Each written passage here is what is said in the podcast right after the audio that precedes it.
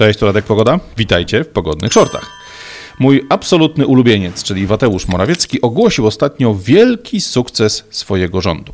Okazało się, że wygraliśmy inwestycje firmy Intel w budowę w Polsce fabryki mikroprocesorów. No, dzięki temu wchodzimy do gry na jednym z najważniejszych rynków nowoczesnej gospodarki, na rynku, który wynosi się w tej chwili czym prędzej z Chin, e, gdzie siedział przez wiele, wiele lat i nikomu to nie przeszkadzało. Ale według słów mojego ulubieńca, dzięki tej inwestycji Polska będzie jeszcze bardziej konkurencyjna na rynkach światowych, ale również będzie bardziej bezpieczna, bo przecież ruski czekista nie odważy się zbombardować amerykańskiej fabryki. Jak już odsuniemy na bok chusteczki, które są potrzebne, żeby ocierać oczy z łez, które wycisnął z nas szczery śmiech, jak już odłożymy na bok emocje, jak już trochę uspokoimy poziom głębokiego wkumienia, który pewnie każdego z nas po takich pierdolotach opanowuje, to przychodzi czas na to, aby rozpakować ten propagandowy komunikat, aby rozpakować tą propagandę sukcesu na części pierwsze i wyciągnąć z niego prawdziwe elementy.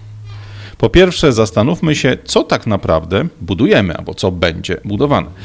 Będzie to owszem fabryka, ale nie fabryka wytwarzająca tak zwane wafle krzemowe, które są podstawą jakby procesorów, które są podstawą całej branży mikroprocesorowej, bo te fabryki powstaną w Niemczech i w Irlandii, a także dodatkowa fabryka w Izraelu, właśnie w ramach tej samej jakby linii inwestycyjnej, w ramach tego samego planu inwestycyjnego Intela. W Polsce budowane będzie centrum testowe, i montownia. Montownia, czyli miejsce, w którym te wafle krzemowe będą rozcinane na poszczególne chipy, na poszczególne elementy.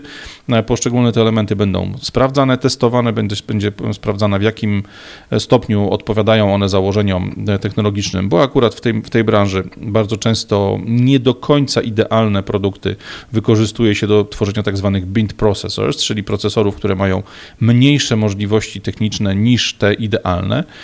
Polacy w Polsce będą te wafle cięte właśnie na poszczególne poszczególne elementy. Te poszczególne elementy będą testowane pod kątem jakości, będą zabudowywane do pojedynczych elementów właśnie układów scalonych, układów mm, elektronicznych, które później staną się składnikiem, staną się surowcem do produkcji gotowych e, narzędzi.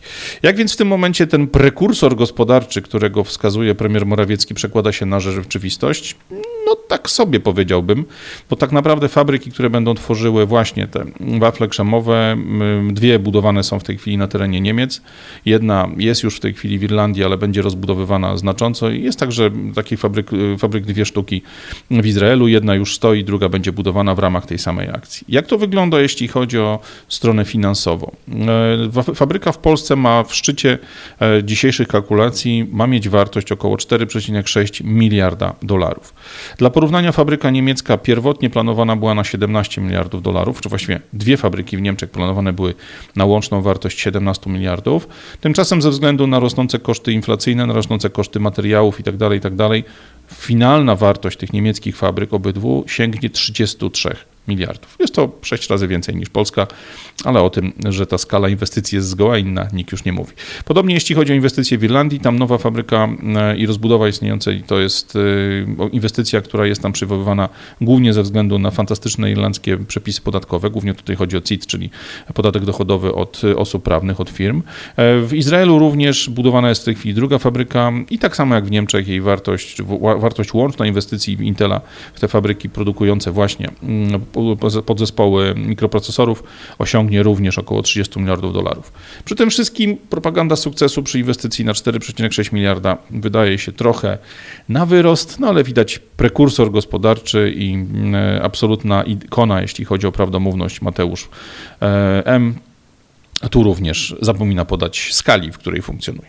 Po drugie, zastanówmy się, kto buduje to oczywiście inwestorem jest Intel. Natomiast co ciekawe, na terenie, na inwestycje amerykańskiej firmy na terenie Polski, niezależnego państwa znajdującego się w Europie, zgodę musi wyrazić Bruksela. Ze względu na to, że prezydent Kaczyński podpisał traktat lizboński, który de facto pozbawia Polskę jakby samodzielności, pozbawia Polskę możliwości samodzielnego decydowania o tym, co dzieje się na naszych ziemiach, na to, aby zrealizować inwestycję przekraczającą 50 miliardów, czy tam 50 milionów euro, zgodę każdorazowo musi wyznaczyć Bruksela. To Bruksela decyduje o tym, gdzie będzie stała niemiecka fabryka silników do samochodów, to i Bruksela decyduje o tym, gdzie będzie stała amerykańska fabryka komponentów do system, do procesorów, to Bruksela decyduje o tym, gdzie Japończycy postawią um, fabrykę pomp ciepła, tak jak w tej chwili Daikin robi to pod Łodzią i tak dalej, i tak dalej, i tak dalej. W Polsce, państwie, które my uznajemy za niezależne, uznajemy za suwerenne, decyzje o tym, gdzie zagraniczne koncerny mogą realizować swoje inwestycje, podejmuje Bruksela, podejmuje Komisja Europejska i ludzie, którzy tam w ramach, w, w jakby pod szczelną ochroną ekip lobbyingowych robią swoje. Czyimi rękami będziemy budowali tę fabrykę, czy ta fabryka będzie budowana? No już wiemy z przecieków nieoficjalnych, ja też trochę popytałem na ten temat ludzi, którzy siedzą w tematach inwestycyjnych, o czym pewnie pogadamy za chwilę. E, dostałem jasną informację, że generalnymi wykonawcami, czy głównymi wykonawcami tych, tych inwestycji będą na pewno amerykańskie i niemieckie właśnie wykonawcy generalni. To są duże koncerny budowlane, to są duże koncerny zajmujące się inwestycjami przemysłowymi, to oni będą zbierali największe pieniądze, jeśli chodzi o mm, uzyskane z tytułu takiej właśnie budowy, takiej, takiej właśnie inwestycji, uzyskane z tego tytułu przychody. E, Polacy i polskie firmy zostaną zatrudnioni jak zwykle do wykonywania najprostszych prac. Wszystkich prac ziemnych, montowania przyłączy, czyli wszelkiego rodzaju wody, energii itd., tak itd., tak prostych prac montażowych związanych ze stawianiem hal, z budowaniem jakichś tam podłóg itd., itd. No i tu oczywiście Oczywiście możemy się odwołać do przykładu z roku 2010-2011, kiedy przed Euro 2012, które organizowała Polska i Ukraina wspólnie, e, do inwestycji na terenie Polski, które przygotowywały naszą infrastrukturę do tego, żeby ta impreza się odbyła, została wykorzystana bardzo podobna konstrukcja. Wielkie firmy zagraniczne były generalnymi wykonawcami, to one dostawały pieniądze różnego rodzaju od inwestorów, od państwa polskiego na realizację inwestycji, a małe polskie firmy e, musiały to wszystko obsługiwać jako właśnie ten, ci wykonawcy drugiej czy trzeciej kolejności odśnieżania, drugiej czy trzeciej kolejności dziobania. Dla wielu z nich kończyło się to katastrofą, bo tak, duży, mm, tak duża dysproporcja sił między generalnym wykonawcą a firmami, które wykonują pewne prace techniczne, bardzo często prowadzi do sytuacji, w którym generalnemu wykonawcy takiej wielkiej inwestycji opłaca się zamiast jednej poważnej, ogromnej firmy, która dysponuje na przykład 300 ciężarówkami czy koparkami, wynająć 300 małych firemek należących do pojedynczych polskich przedsiębiorców, którzy mają jedną koparkę, którzy mają dwie ciężarówki, dla których tego typu roboty, tego typu inwestycje to jest absolutnie e, jedna z najważniejszych wydarzeń w ciągu danego roku czy w ciągu danego okresu. Jak to się kończy przy nieuczciwych wykonawcach generalnych? Bardzo często tak, że taki polski podwykonawca, osoba, która ma pojedynczą właśnie ciężarówkę, koparkę czy cokolwiek innego, co jest wykorzystywane przy budowach, nie wiem, jakieś dźwigi, spychacze i tego typu rzeczy, dostaje w czasie wykonywania prac tylko tyle pieniędzy, aby wystarczyło de facto na paliwo, na koszty pracowników, na jakieś drobne, e, drobną górkę dla właścicieli, tak żeby oni byli w stanie funkcjonować. I bardzo często kontrakty z generalnymi wykonawcami podpisywane są w takiej formie, czy właściwie narzucane są tym, tym pojedynczym firmom wykonującym pracę w takiej formie, że ta duża kasa płacona jest na końcu, kiedy wszystkie prace zostaną wykonane, zakończone, odebrane przez inwestora, kiedy zostaną zrobione w terminie, kiedy zostaną zrobione we właściwej jakości itd. Tak itd. Tak Bardzo często przy tego typu sytuacjach pojawia się na końcu cała masa zarzutów do właśnie jakości, terminowości i wielu innych rzeczy, które sprawiają, że taki mały polski wykonawca na końcu dostaje jakąś zupełnie drobną kwotę, kwotę, która absolutnie nie jest podobna do tego, na co się pierwotnie umawiali. E, czasami te firmy upadają, czasami te firmy idą z torbami i właściciele po prostu muszą zbankrutować.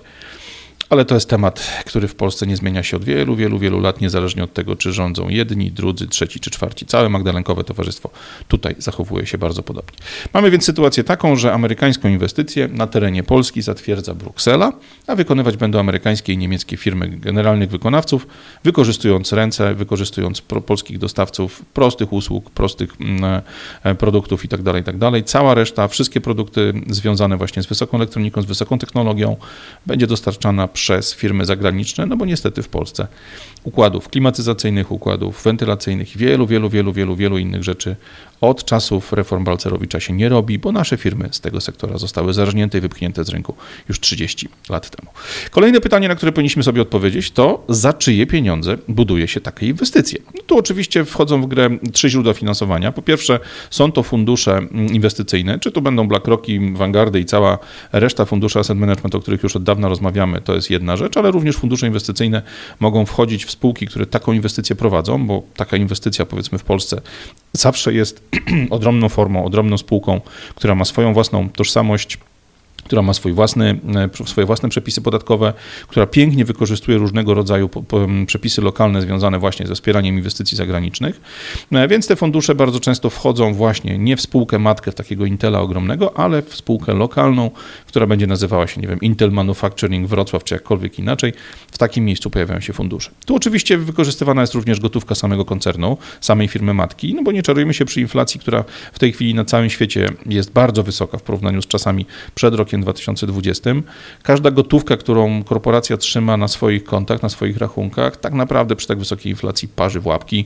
Tych pieniędzy trzeba się pozbyć, te pieniądze trzeba uruchomić, trzeba za nie zrobić, zbudować, postawić coś, co będzie zarabiało na siebie znacznie więcej niż e, jakiekolwiek odsetki od kwot trzymanych przez e, firmy na rachunkach, szczególnie, że w tej chwili bardzo często te odsetki są ujemne, czyli dopłacamy bankowi za to, żeby takie środki do nas przechowywał. Tu oczywiście jest jeszcze trzecie źródło finansowania, to źródło finansowania, które, o którym nikt nie mówi, albo o, o którym się mówi tylko półgębkiem, bo jest to tak zwane dofinansowanie lokalne. I tu ja zwykle patrzę na to na trzech poziomach. Po pierwsze mówimy o zwolnieniach podatkowych, czyli zwolnienia podatkowe można wystawić na taki właśnie nowy podmiot, takie centrum powiedzmy produkcyjne, które pod Wrocławiem będzie budowane. No, produkcja tu oczywiście w jakimś tam, w jakimś cudzysłowie. E, wtedy zwolnienia podatkowe e, z tytułu podatku CIT, czyli podatku dochodowego od osób prawnych, to jest jedno źródło finansowania. E, I tu mówimy o zaangażowaniu państwa na poziomie nawet powyżej 20-25% e, takich kosztów inwestycyjnych. Natomiast to jest, co jest bardzo istotne, wszelkiego rodzaju zwolnienia podatkowe przyznawane są na konkretny podmiot, który o takie zwolnienie się ubiega. Co można na ten, jak można to rozłożyć na czynniki pierwsze? Jeżeli dziś o zwolnienie podatkowe, na przykład na 15 lat, bo takie, takie są najdłuższe okresy funkcjonowania decyzji w ramach specjalnych stref ekonomicznych, jeżeli o zwolnienie podatkowe na 15 lat będzie ubiegać się firma A, ta, która buduje i będzie jakby obsługiwała produkcję w tym zakładzie, czy, czy funkcjonowanie tego zakładu przez pierwsze 15 lat, to nikt nie zabroni ludziom z Intela za 13 lat ogłosić to, że wycofują się z tej inwestycji, że będą ją zamykać, w ten sposób wsadzić jądra aktualnego wtedy polskiego rządu w imadełko i powolutku dokręcać, informując, że za chwilę te wszystkie tysiące miejsc pracy, te wszystkie e, setki milionów złotych, które pochodzą z podatków generowanych przez nich samych, przez firmy, które z nimi kooperują w danym regionie, znikną, bo oni swoją inwestycję przeprowadzą w inne miejsce, no chyba, że polski rząd zgodzi się, że zostanie powołana nowa spółka o nazwie nie Intel Manufacturing, tylko na przykład Manufacturing Intel. Uwierzcie mi, ja sam znam takie spółki, które zmieniają czasami sylaby w swojej nazwie, prowadząc działalność tą samą, tymi samymi ludźmi, tylko po prostu pod nową nazwą, tak żeby po raz kolejny skorzystać z odliczeń podatkowych. I w ten sposób można praktycznie w nieskończoność występować stale o nowe zwolnienia podatkowe, o możliwość rozliczenia pieniędzy, które inwestor wsadził w takim kraju, na, e, w takim właśnie dzikim kraju niecywilizowanym jak Polska, czy inne miejsca e, i w ten sposób korzystać praktycznie do końca świata. Drugim źródłem tego finansowania, czy drugim poziomem tego finansowania lokalnego jest budowa infrastruktury. Tu mówimy o rzeczach, o których najczęściej się właśnie nie mówi, czyli do takiego zakładu trzeba do, dobudować drogę, trzeba dobudować łącznik autostradowy, trzeba dobudować linię kolejową, trzeba poszerzyć czy wykupić nowe tereny na lotnisko najbliższe, żeby można było na przykład takie transportowane z irlandzkiej fabryki mm, elementy intelowskie gdzieś przeładowywać z samolotów cargo na ciężarówki i później z ciężarówek na następne samoloty cargo, które ten towar wywiozą do kolejnych zakładów, które produkują dalsze elementy. Nie mówi się o wszelkiego rodzaju usługach, które są budowane przy okazji i na przykład nie byłbym wcale zdziwiony, gdyby okazało się, że Intel oprócz ulg na samą fabrykę, na sam budynek produkcyjny e, czy tam logistyczny, dostanie dodatkowe ulgi na to, żeby gdzieś w centrum Wrocławia, w miejscu, w którym na pewno nie powinno być żadnych ulg, mieć na przykład swoje centrum usług księgowych, centrum usług finansowych, centrum usług kadrowych itd. Tak itd. Tak Bardzo często ta część inwestycji, o której nie mówią nam rządzący, to są dodatkowe pieniądze, które z naszych podatków dofinansowywane, którymi z naszych podatków dofinansowywane są tego typu inwestycje. Dodatkowo dochodzi jeszcze trzeci poziom tej pomocy lokalnej, tego dofinansowania lokalnego. To jest tak zwane dofinansowanie niebezpośrednie. Mówimy o tym, że tak jak Intel dostanie dofinansowanie na swoje usługi, na swoją fabrykę, na swoich ludzi, którzy będą siedzieli gdzieś w centrum Wrocławia czy Wałbrzycha, takie same dofinansowania dostaną zakłady ich poddostawców. Dostaną właśnie firmy usługowe, firmy e, produkujące jakieś komponenty do tych komponentów, które będą produkowane przez samego Intela i tak dalej, i tak dalej. Jeszcze jeden poziom może nie tyle dofinansowania, ale zmniejszenia obciążeń finansowych, które takiego inwestora czekają, to tak zwane wyjątki środowiskowe, wyjątki od przepisów związanych właśnie z bezpieczeństwem pracy, z przepisami PPOSZ, z przepisami związanymi ze środowiskiem itd., itd., itd. Każda inwestycja tego typu, inwestycja, która zakłada postawienie nowych budynków, puszczenie do pracy nowych ludzi, postawienie nowych maszyn i tak dalej, wymaga ogromnej ilości pieniędzy, które inwestor powinien wydać właśnie na koszty pozwoleń, na koszty środowiskowe, na koszty najróżniejszych innych instytucji czy urzędów, które powinny kontrolować ich pracę. Przy tak dużych inwestycjach bardzo często jest prosta informacja, że do Intela nie chodzimy na kontrolę, Intelowi nie robimy pod górę, bo jest to nasz, nasza ukochana duszeńka, nasz ukochany inwestor na terenie takiej właśnie gminy e, czy na terenie województwa. Tych dużych nie ruszamy, czeszemy za to maluchów, którzy muszą na co dzień zarabiać na swoje pieniądze. Jak zadamy sobie kolejne pytanie, ile będzie nas to kosztowało, no to tutaj mamy bardzo ciekawe kwoty. Pan Morawiecki mówi, że Intel zainwestuje łącznie 4,6 miliarda dolarów. Nie mówi niestety o tym, że my sami z naszych podatków, ze względu na pomoc publiczną, do tej kwoty dorzucamy 1,5 miliarda dołków czyli to jest 6 miliardów złotych. Jak zadamy sobie pytanie o to, co my z tego będziemy mieli jako państwo, jako region, jako ludzie, którzy funkcjonują w tej okolicy, no to tutaj pięknym hasłem jest, że oczywiście będą z tego tytułu miejsca pracy. na temat tego zakładu, konkretnego tego zakładu Intela mówi się, że zostanie docelowo stworzone około 2000 miejsc pracy. No i teraz jeśli sobie tą ilość 2000 nowych pracowników, którzy owszem, będą lokalnie kupowali jedzenie, więc będą płacić w tym jedzeniu VAT, akcyzę, inne rzeczy, będą wynajmowali jakąś nieruchomość, więc z tego tytułu będą płacili e, podatki, będą e, mieli e, jakieś samochody, czyli będzie akcyza z paliwka i parę innych rzeczy. Jeżeli te wszystkie koszty, czy inaczej, te wszystkie przychody zestawimy z kosztami, no to wychodzi nam bardzo prosto, że te 2000 miejsc pracy nowych dla regionu, w którym dana fabryka powstaje, zestawione z 6 miliardami polskich złotych pomocy publicznej, okazuje się, że każde miejsce pracy w takiej fabryce Intela będzie polskiego podatnika, czyli ciebie i mnie, kosztowało około 3 milionów złotych. 3 miliony złotych za jedno miejsce pracy dla Polaka w naszym rejonie. No i tu oczywiście pojawia się pytanie, czy aby na pewno dla Polaka. E, nie czarujmy się, zarówno prezydent Duda, jak i praktycznie cała wierchowka Prawa i Sprawiedliwości, tutaj Morawiecki jest absolutnym prymusem, są od e, dwóch lat całkowicie sprzedani, e, czy zaprzedani, przepraszam, to niewłaściwe słowo może mieć konsekwencje prawne, są całkowicie zaprzedani temu, aby za wszelką cenę, kosztem polskiego narodu, polskiego państwa wspierać jak się tylko da Ukrainę. Prezydent, premierowi wyrwało się bardzo ciekawa wypowiedź, e, którą tutaj Wam przytoczę, która dotyczy właśnie tego, kto takie miejsca pracy, te 2000 miejsc pracy kosztujących Polaka, płacącego tutaj podatki po 3 miliony złotych za łebka, może obejmować. Zobaczcie sami. Jednocześnie też zdajemy sobie sprawę z tego, jak ważne jest zabezpieczenie różnych parametrów czy elementów całej tak wielkiej inwestycji. Przede wszystkim to ludzie ludzie, którzy muszą być odpowiednio wykwalifikowani. Tutaj bliskość do ośrodka akademickiego, jednego z najbardziej prężnych w Polsce, jakim jest Wrocław, daje ogromną przewagę. Ale także fakt, że Polacy otworzyli serca, domy dla ukraińskich uchodźców i wielu z nich również będzie pracowało u kooperantów, czy w samej tej głównej inwestycji Intela jest też um, rzeczą która była ważna przy podejmowaniu decyzji. No właśnie, kiedy już wiemy, jak ta sytuacja, a właściwie nie wiemy, jak ta sytuacja związana z przynależnością miejsc pracy może w Polsce wyglądać, może w tym zakładzie Intela pod Wrocławiem wyglądać, to zastanówmy się, jak to wygląda trochę dalej, jak to wygląda w innych miejscach. Spójrzmy na Niemcy. Niemcy, które również są w tej chwili klientem Intela, E, bo chyba tak to trzeba nazywać, patrząc na dysproporcje między pieniędzmi dokładanymi przez państwo do takiej inwestycji.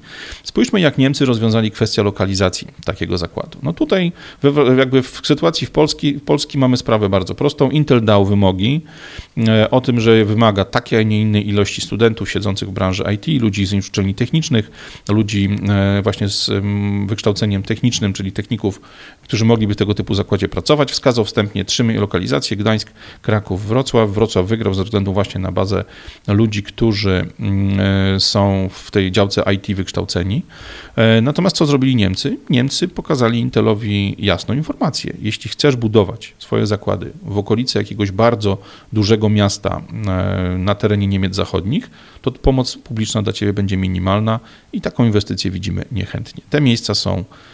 same z siebie atrakcyjne gospodarczo w tych miejscach, same z siebie powstają firmy. Nie będziemy jako Niemcy dofinansowywali inwestycji w miejscach, w których te inwestycje przedsiębiorcy robią, bo im się to po prostu opłaca. Dlatego Niemcy pokazali jasno paluszkiem na wschód, pokazali teren w okolicach Magdeburga, czyli miejscówkę, której nic praktycznie się nie dzieje. To samo zrobili wcześniej z fabryką Testi, to samo zrobili wcześniej z bardzo, bardzo wieloma zakładami produkcyjnymi, które chciały koniecznie na terenie Unii Europejskiej zacząć produkcję różnego rodzaju elementów elektronicznych, komponentów dla branży motoryzacyjnej i wielu, wielu innych branż. Niemcy mówią wprost, lokalizacja tylko na wschodzie i również lokalizacja przy mniejszych miejscowościach. Nikomu nie jest potrzebna kolejna fabryka pod Berlinem, Monachium czy przy Zagłębiu Rury, bo tam biznes sam z siebie inwestuje. Niemcom potrzebna była duża fabryka zatrudniająca wykształconych, wysoko wykwalifikowanych ludzi w okolicach Magdeburga, na wschodzie, tam, gdzie nikt inny z własnej woli nie będzie robił inwestycji. Jak to wygląda w Polsce? W Polsce wygląda to trochę inaczej, bo już od y, praktycznie 97 roku na terenie Polski powstają specjalne strefy ekonomiczne. Początkowo było ich 17, w tej chwili ta lista spadła do stref 14. Natomiast już za czasów rządów premiera Morawieckiego, zamiast funkcjonować, strefy zamiast funkcjonować w malutkich, ograniczonych terytorialnie obszarach, te strefy się ciągle rozrastają. Dzisiaj jest tak, że Wałbrzyska specjalna strefa ekonomiczna, zamiast zajmować się inwestycjami wokół Wałbrzycha, miasta potwornie zaoranego planem Balcerowicza, jak ktoś pamięta, jak wyglądał Wałbrzych, Boguszów, Gorce w latach 92, 96, 97, może sobie jasno zdać sprawę z tego, że to, co zrobiono tej Polsce peryferyjnej to była absolutna wiwisekcja, to było absolutne zabójstwo jakiegokolwiek biznesu, jakiegokolwiek uprzemysłowienia tego rejonu. Dziś Wałbrzyska Strefa Ekonomiczna sięga za Poznań, sięga, czy tam właściwie sięga do Wielkopolski, obejmuje takie miejsca, e, których nikt z Wałbrzychem w rozsądny sposób nie kojarzy. Natomiast co jest bardzo ważne, po roku 2018 cały teren Polski został de facto specjalną strefą ekonomiczną. Na terenie całej Polski, w tej chwili, jeśli się przejdzie przez sito właśnie specjalnych stref ekonomicznych jako firemek, które zajmują się przydzielaniem tych ulg i tych wszelkiego rodzaju dofinansowań, a oprócz tego zaprzągnie się lokalne władze, czy to na poziomie województwa, czy na poziomie powiatu, gminy, do wsparcia takiego projektu, to takie zwolnienie na 15 lat z podatku CIT, czy zwolnienie z podatku od nieruchomości, wielu, wielu innych podatków, wielu innych opłat oraz masę inwestycji, które lokalny samorząd dołoży do naszego projektu można dostać praktycznie na terenie całej Polski. Co jest bardzo ważne, e, żebyście nie myśleli sobie, że cała ta informacja, którą wam przekazuję, pochodzi tylko i wyłącznie z tam, nie wiem, 11 czy 12 artykułów prasowych polskich, niemieckich, angiel- amerykańskich, które przeczytałem, żeby wyciągnąć te konkretne kwoty, ile, gdzie, kto dokłada, jakie są koszty, jakie są plany, ile miejsc pracy jest przygotowywanych. E, muszę wam powiedzieć, że ja te procesy znam bardzo dobrze od kuchni. E, kiedy pracowałem w branży kolejowej, byliśmy zaproszeni do zespołu negocjującego z jednym z większych producentów samochodów na świecie warunki otwarcia w Polsce fabryki samochodów. E, no, firma, której nie będę przywoływał, no bo nie jest to do niczego nam tutaj potrzebne, ale to jest, mówię, duży, duży gracz światowy, e, gracz, który nigdy do tej pory na terenie kontynentalnej Europy niczego nie, produ nie produkował. Zawsze ta produkcja była robiona właśnie poza kontynentalną Europą. E, gracz ten przystępował do negocjowania jeszcze z rządem e, PO-PSL. Ja zostałem zaproszony, czy właściwie firma, w której wtedy pracowałem, została zaproszona do zespołu negocjacyjnego jako fachowcy od kolei. My byliśmy znani na rynku z tego, że jeśli chodzi o przewozy pociągów towarowych, byliśmy jedną z najlepszych firm, jeśli chodzi o jakość, jeśli chodzi o punktualność dostaw. Jest nawet takie powiedzonko, które w branży krąży, jak nasza firma przejmowała dostawy do jednego z zakładów energetycznych, na południu Polski, że e, obsługujący to wcześniej PKP Cargo potrafiło złapać spóźnienie rzędu od 12 do 36 godzin, kiedy nasi, nasz pociąg umówiony na 6 rano w tym pierwszym dniu obsługi danej, danego miejsca był tam za 15 piąta, żeby mieć odrobinę zapasu i po prostu się nie spóźnić, to prawie do godziny 11 biegano po zakładzie i szukano kluczy do bramy wjazdowej właśnie kolejowej na teren zakładu, bo okazało się, że nikt nie spodziewał się, że firma kolejowa, która wozi towary, która wozi w tym wypadku jakieś tam pociągi z węglem czy innymi e, surowcami dla wytwórstwa tej, tego zakładu, może przyjechać na czas. Byliśmy więc jakby dobierani do, do tego zespołu nie po jakichś tam koneksjach i układach, tylko po prostu jako fachowcy, jako ludzi, którzy pewnego rodzaju mm, wiedzę fachową mogą przynieść do stołu i wspomóc polski rząd, w którym fachowców nawet wtedy nie było specjalnie wielu, jak jest dzisiaj, to już nawet szkoda gadać, wspomóc polski rząd, wspomóc ten polski rządowy komitet negocjacyjny właśnie w świadomości tego, co od strony kolejowej, co od strony logistyki kolejowej jest niezbędny. E, zadaniem docelowym miało być to, aby przy pomocy właśnie pociągów z terenu tego zakładu zlokalizowanego na terenie południowej Polski wywożone były gotowe samochody. Te pociągi miały trafiać głównie do portów, z których e, produkcja tego zakładu na terenie Polski miała być rozsyłana na cały świat. Tutaj głównymi rynkami tego producenta jest, e, są Stany Zjednoczone, ale też masa samochodów rozchodzi się absolutnie po całym świecie. Oczywiście tu pociągi miały również dostarczać kontenery, wywozić w kontenerach części zamienne do zakładów dystrybucyjnych itd., itd., itd. Poznałem więc dzięki temu jak funkcjonują takie inwestycje wielkie, mm, właśnie inwestycje związane z fabrykami, inwestycje związane e, z produkowaniem czegokolwiek, czy obrabianiem jakichś komponentów.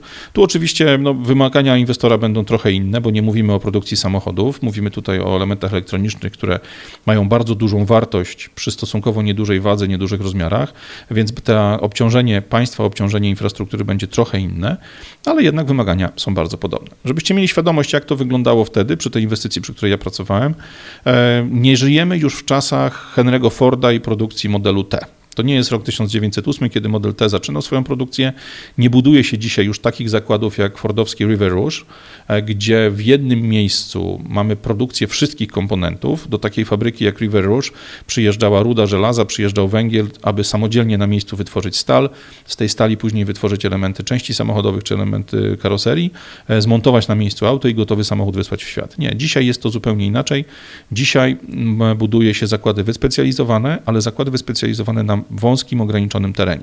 Jeśli spojrzymy sobie na tak zwaną Fiat Family, czyli rodzinę poddostawców Fiata, to możemy spojrzeć, że dla zakładu, który produkuje 500 Pandy i parę innych i masę komponentów na terenie Tychów czy, czy Bielska Białej, wokół tych dwóch fabryk jest cała masa fabryk prowadzonych przez firmy takie jak Magneti Marelli, jak Texit, jak wiele, wiele innych, część z nich to moi starzy klienci, w, w miejscach takich jak właśnie Bielsko-Biała, jak Skoczów i tak dalej, i tak dalej. W tych zakładach obsługujących fabrykę samochodów, e, produkuje się większość komponentów, od elementów zawieszenia, przez elementy jakieś odlewane, elementy kute, przez takie rzeczy jak deski rozdzielcze, fotele, jakieś pasy bezpieczeństwa, masę, masę, masę elementów, które e, faktycznie do tego samochodu muszą być zamontowane, ale to wszystko montuje się w osobnych fabrykach, wokół których powstaje wianuszek innych fabryk i co bardzo ważne, do takiego zakładu trzeba dowozić te wszystkie wyprodukowane komponenty w systemie Just on Time, bo magazynu w zakładzie produkcyjnym praktycznie dzisiaj nie ma.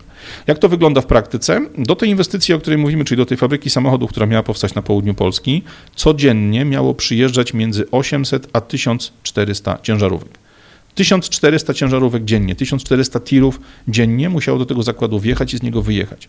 Dlaczego? Dlatego, że ponad 70% komponentów, które byłyby montowane w takim samochodzie, produkowane miało być w promieniu 70 mil, czy około tam 110 km od fabryki, bo fabryka nie przechowuje żadnych części do produkcji dłużej niż na 24 na 36 godzin. Cała reszta musi być wyprodukowana i dostarczona w konkretnym okienku czasowym, w konkretnym momencie, tak aby w właściwej kolejności one wjeżdżały na linię produkcyjną aby ta ta produkcja szła z jak najmniejszym właśnie stanem magazynowym, z jak najmniejszym obciążeniem producenta, tymże części wiszą na jego stanie magazynowym. E, jak to wygląda dzisiaj? No, w, czytam, jak to wyglądało wtedy, to był rok 2000 bodajże 13 czy 14. E, wtedy właśnie z tym całą e, ekipą inwestycyjną inwest i przedstawicielami inwestora robiliśmy wizje lokalne. Oglądane były wtedy w Polsce trzy różne lokalizacje w okolicach Wrocławia. Dla każdej z nich sprawdzane były nie tylko sytuacja dzisiejsza, ale były bardzo mocno sprawdzane przez inwestora plany rozbudowy. W przypadku tych, tej fabryki samochodu i tej ilości 1400 ciężarówek dziennie kluczowym elementem był właśnie dostęp samochodu ciężarowego, więc do każdej z tych inwestycji absolutnie kluczowym elementem było to, czy Polska zdąży wybudować na potrzeby takiej fabryki łącznik autostradowy od autostrady A4 do samego zakładu, praktycznie pod bramę zakładu. Istotne było to, czy zostaną dociągnięte linie energetyczne, które taki zakład ogromny, posiadający właśnie prasy, e, lakiernie, e, spawalnie, zakład pożerający, pożerający przepraszam, ogromnej ilości prądu, czy zostanie doprowadzona linia energetyczna albo kilka linii energetycznych o wystarczającej przepustowości. Kiedy rozmawialiśmy o e, lokalizacji w Jaworze, miejscowości koło Legnicy, to była jedna z lokalizacji, już ostatnia na liście, pojawiło się hasło pod tytułem OK, skoro będziemy pociągami wywozić gotowe samochody i przewozić kontenery oprócz tych ciężarówek będą jeździły też pociągi towarowe właśnie z zaopatrzeniem.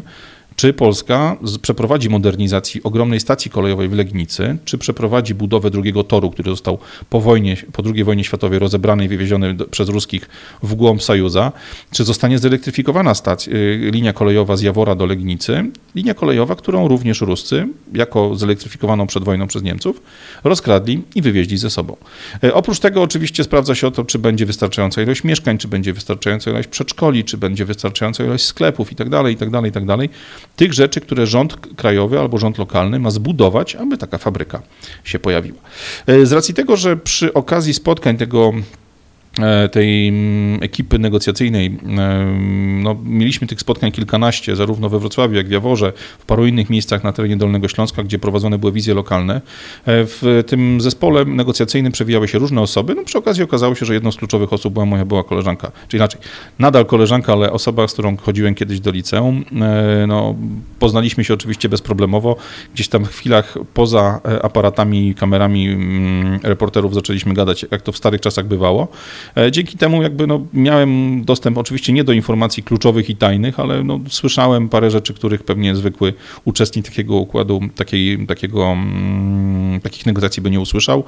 E, kiedy więc w Wiedniu na ostatnich etapach tych rozmów inwestycyjnych mm, e, gra toczyła się już tylko między Polską, rządem Polski i samorządem województwa dolnośląskiego, a Słowakami, E, kiedy doszliśmy do miejsca, w którym inwestor na jeden dzień zapraszał Polaków, na następny dzień zapraszał Słowaków, kolejnego dnia Polaków, kolejnego dnia Słowaków i robił taki konkurs ofert, na pewnym etapie usłyszałem od tej właśnie osoby bardzo prostą informację. Słuchaj, My jako polski rząd nie damy już więcej, bo inwestor wycisnął z nas wszystko, co się dało zrobić w zakresie podatku dochodowego, w zakresie podatku od nieruchomości, wycisnął e, z samorządów, w zakresie wszelkiego rodzaju opłat związanych z pracownikami, wycisnął z lokalnego ZUS-u, z lokalnych mm, instytucji publicznych i tak. My więcej już nie damy. Efekt wtedy był taki, że tą inwestycję samochodową wygrała Słowacja. Ten zakład stoi od lat na, na terenie Słowacji i produkuje samochody. Wszystko to, co miało się dziać pod Wrocławiem, dzieje się dzisiaj na terenie Słowacji, ale to nie jest niczym nowym, to nie jest niczym typowym tylko dla Polski. Kiedy popatrzymy sobie na tą inwestycję Intela, która w tej chwili rozgrywa się w Niemczech, te dwie fabryki, które mają łącznie kosztować około 33 miliardów dolarów, okazuje się, że rząd niemiecki, przez to, że wskazał, gdzie fabryka ma być budowana, musi dołożyć prawie 10 miliardów dolarów z własnej kieszeni. Intel w lutym tego roku zażądał podwyższenia pomocy publicznej właśnie na ten nowo budowany zakład pod Magdeburgiem o 3,2 miliardy euro, ze względu na to, że, że inflacja sprawiła, że cała inwestycja będzie dużo, dużo droższa. Co ciekawe, Intel buduje w tym samym czasie również zakład w Wietnamie. Oczywiście, co jest ciekawe, ta informacja nie jest potwierdzana przez koncern, natomiast wychodzi w najróżniejszych komunikatach idących z rządu wietnamskiego i nawet w Wietnamie, poza Unią Europejską, do inwestycji Intela, która ma, ma być oceniona na jakieś 7,4 miliarda dolarów, rząd wietnamski już teraz oficjalnie ogłasza, że dołoży 4,1 miliarda. Po co wam to wszystko mówię? Po co to wszystko przy, przywołuję? Mm, nie do końca po to, żeby się pośmiać z Morawieckiego, bo myślę, że ten, kto jemu wierzy jeszcze dzisiaj, po tych wszystkich latach od ośmiorniczek, od pracy za miskę ryżu, od tego, że wojna zmienia w 5 minut i tak dalej, zmienia perspektywę w 5 minut, myślę, że kto dzisiaj wierzy Morawieckiemu, ten sam sobie winien i nie moją rolą jest to, aby nawracać ludzi na to, aby tego człowieka e, traktować e, no po prostu jako wierutnego kłamcę i osoby, która jest szkodliwa. Mówię to po to, żebyśmy pamiętali, że znajdujemy się w kampanii wyborczej, że znajdujemy się w czasie, który będzie absolutnym festiwalem sukcesów, absolutnym festiwalem obietnic, absolutnym festiwalem jakichś kompletnie zwariowanych e, fet, kompletnie zwariowanego świętowania e, rzeczy, które niekoniecznie mm, e, są dla Polski mm, korzystne, są dla nas jako podatników korzystnych. Zanim więc zaczniemy cieszyć się i otwierać szampany ze względu na kolejny sukces, tu w cudzysłowie, naszych polityków, Sprawdźmy najpierw, ile ten sukces będzie kosztował. Nie ich, bo oni nigdy ceny nie płacą. Ile taki sukces kosztować będzie nas samych. Ludzi, którzy w Polsce jako mały przedsiębiorca albo jako pracownik takiego e, przedsiębiorstwa płaci podatki. Bo na końcu to z naszych podatków do kiesy takiej inwestycji wpada 30, 40, czy tak jak w przypadku Wietnamu czy, czy Niemiec, nawet 50%. Pamiętajmy o tym. Niech ten uśmiech nie będzie zbyt szeroki. Radek Pogoda niespecjalnie pogodne, ale jednak niespecjalnie również shorty. Trzymajcie się i miłego dnia. Cześć.